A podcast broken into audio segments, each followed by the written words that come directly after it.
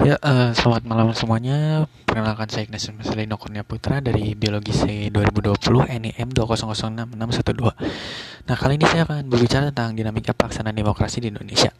Nah, demokrasi itu apa? Sebelumnya, demokrasi itu pemerintahan politik yang kekuasaan pemerintahnya berasal dari rakyat. Nah, istilah ini berasal dari bahasa Yunani, dari dua kata, yaitu demos dan kratos atau kratein. Demos itu artinya rakyat dan kratos itu berarti kekuasaan. Nah, berarti demokrasi itu suatu sistem pemerintahan politik yang kekuasaannya itu berasal dari rakyat, oleh rakyat, untuk rakyat. Secara terminologi tuh banyak ahli yang mengubahkan pengertian demokrasi, tapi dasarnya selalu mengacu pada rakyat. Itu ada tiga. Pertama tuh pelaksanaan kekuasaan negara ialah wakil rakyat yang terpilih karena rakyat yakin segala kepentingannya akan diperhatikan. Namun kenyataannya saya lihat itu berbeda.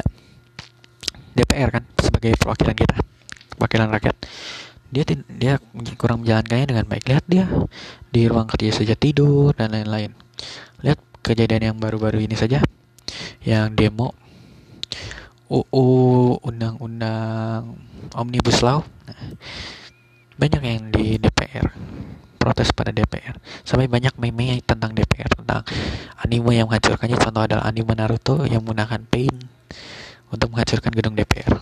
Nah, kedua tuh ada cara melaksanakan kebiasaan negara dengan senantiasa menghindak mengingat kehendak rakyat. Nah, terus ketiga, batas kekuasaan negara demokrasi ditentukan dengan sebanyak mungkin memperoleh hasil yang diinginkan rakyat asal tidak menyimpang dari demokrasi itu.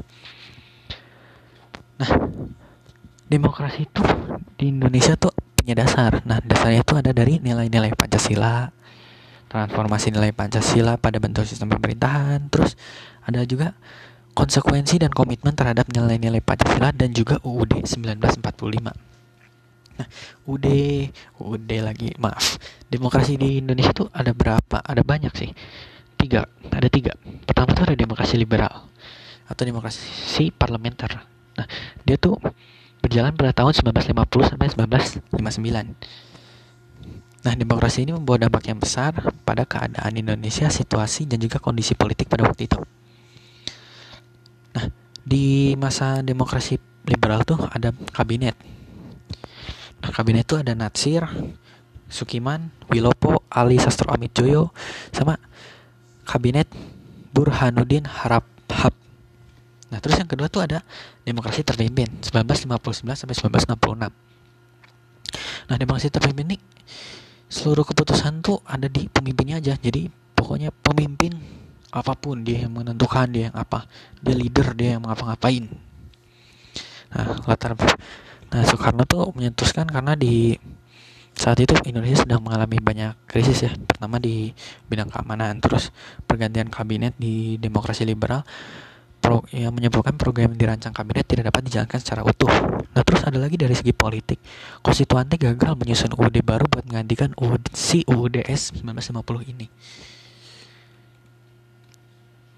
Nah, akhirnya demokrasi terpimpin ini pun berakhir. Karena Soekarno mengajukan voting untuk mengenai UUD dan banyak yang setuju untuk kembali ke UUD 1945. Dan akhirnya pun dem demokrasi terpimpin pun dibubarkan dengan dikeluarkannya dekret Presiden 5 Juli 1949. Nah, terus demokrasi Pancasila. Nah, ini demokrasi yang kita pakai sampai sekarang. Nah, demokrasi ini berdasarkan kekeluargaan, bukan gotong royong.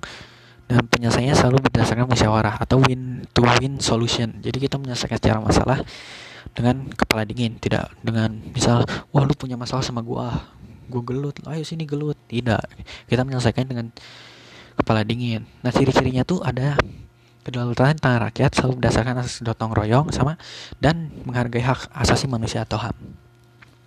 Nah, demokrasi Pancasila ini punya dasar dasarnya itu pada lima sila Pancasila yaitu ketuhanan sila ketuhanan kemanusiaan persatuan dan kedaulatan rakyat serta pula keadilan sosial.